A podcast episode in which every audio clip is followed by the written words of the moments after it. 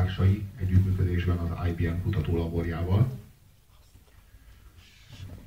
Egy, ez az én számomra egy nagyon felemelő érzés, ezt meg elég lesújtó is végignézni.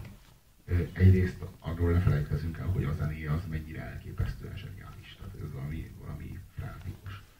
Másrészt meg az a valami lesújtó, hogy, hogy ez az alakzat, amiben mi itt összeállunk, vagy amiben mi itt érzékeljük magunkat, vagy ö, ö, ö, próbáljuk a saját magunk öndefinícióját megvalósítani, az mennyire esetleges, és mennyire mennyi világ létezik körülöttünk, és mennyi világ létezik bennünk, és hogy ez a világ ez mennyire csak egy ezek közül. Hát, mégis a,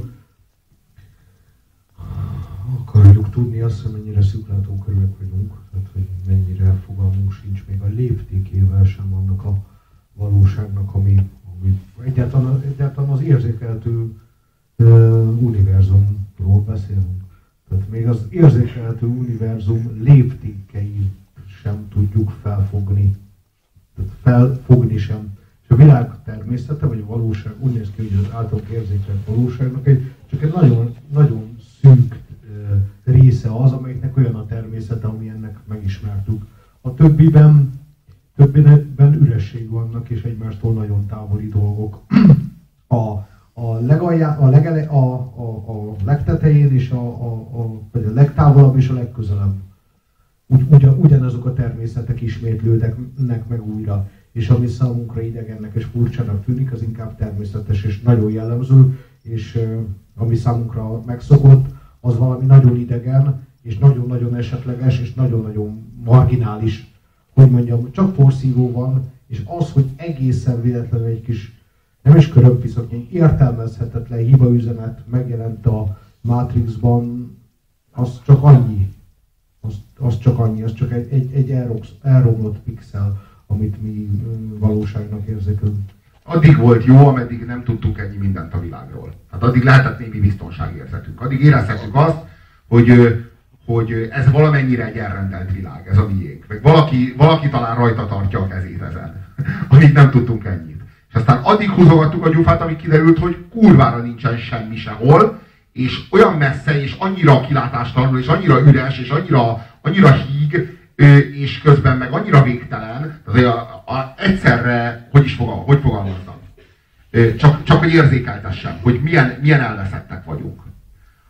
Csak az univerzumon, a, a, a mi galaxisunkon, tehát a tejútrendszeren belül a különböző csillagoknak az aránya az úgy néz ki, hogy helyezzél el egy darab cseresznyét Budapesten, és helyezzel egy másik cseresznyét Prágában, meg Bécsben, meg Varsóban, és az összes európai fővárosban. Most a cseresznye méretarányosan a napunk. És a legközelebbi nap az olyan messze van méretarányosan, mint a következő fővárosban egy másik cseresznye. És mindeközben pedig olyan mennyiségű csillagról beszélünk, amit megszámlálni sem tudunk, sőt olyan mennyiségű spirálgalaxisról beszélünk, ami a mi tejútrendszerünk, hogy azt megszámlálni se tudjuk. Amióta létezik a Hubble űrteleszkóp, azóta vagyunk csak igazán bajban, mert 10 másodpercenként fedezünk fel egy újabb, komplett galaxist, amelyet már el sem tudunk nevezni, hanem rendszámot adunk neki, valami hatjegyű számot.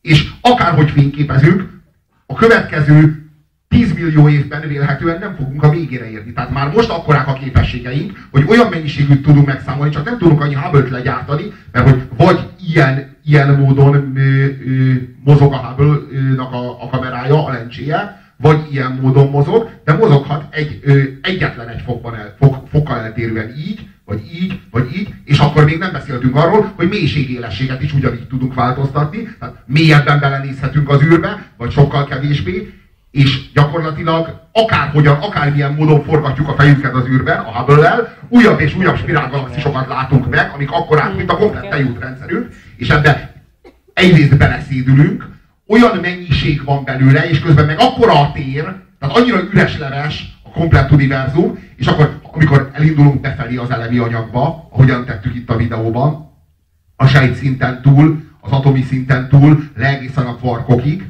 ahol meg mit találunk? Hogy egy darab kvantum egyszerre van két helyen. Tehát, hogy olyan, olyan, olyan, olyan, ö, ö, mértékben elveszettek, és olyan mértékben ö, kiszolgáltatottak soha nem voltunk, amikor még ennél sokkal kevesebbet véltünk tudni a világról, most aztán megtudtuk azt, hogy mennyire nem tudunk semmit, bassza meg. Hát most aztán ezzel aztán kurva boldogok lehetünk.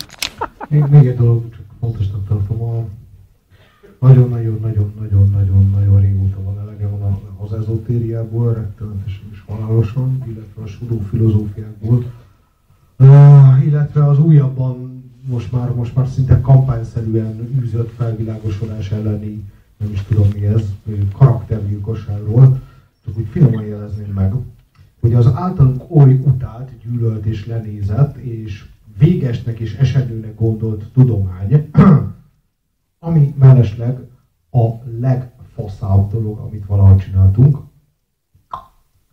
konkrétan. Jobb, mint a zene. Mondjuk. Azt tudja, hogy a legfaszább dolog, mert a zenének is segít jobbnak lenni. Szóval neki köszönhetjük, hogy ezt most láthattuk. Úgyhogy, úgyhogy, úgyhogy egy kicsit hátrább az agarakkal, elképesztően sok energia kellett ahhoz, hogy ide juthassunk. Nagyon-nagyon-nagyon-nagyon-nagyon sok, és, és, és nem illenék lerombolni ezt az én szívem szerint, csak azért, mert, szerint, mert valaki szerint a szilvafának az asztrál teste az azt mondta, a Siriuson, hogy, hogy, hogy mégse úgy van az izé, fizika, ahogy hittük, ennél csak úgy mellesleg. Szkeptikusabb vagyok a tudományjal kapcsolatban, de minden esetre a, azt mondjuk így kijelenteni, hogy az orvostudomány kivételével azért a tudomány általában nem feltétlenül tette boldogabbá az emberiséget. Mit szólnátok ahhoz, hogyha tartanánk egy rövid szünetet? Mondjuk egy negyed órával megelégednétek? Akkor negyed óra múlva, teljesen függetlenül attól, mit válaszoltok erre, találkozunk. Jó?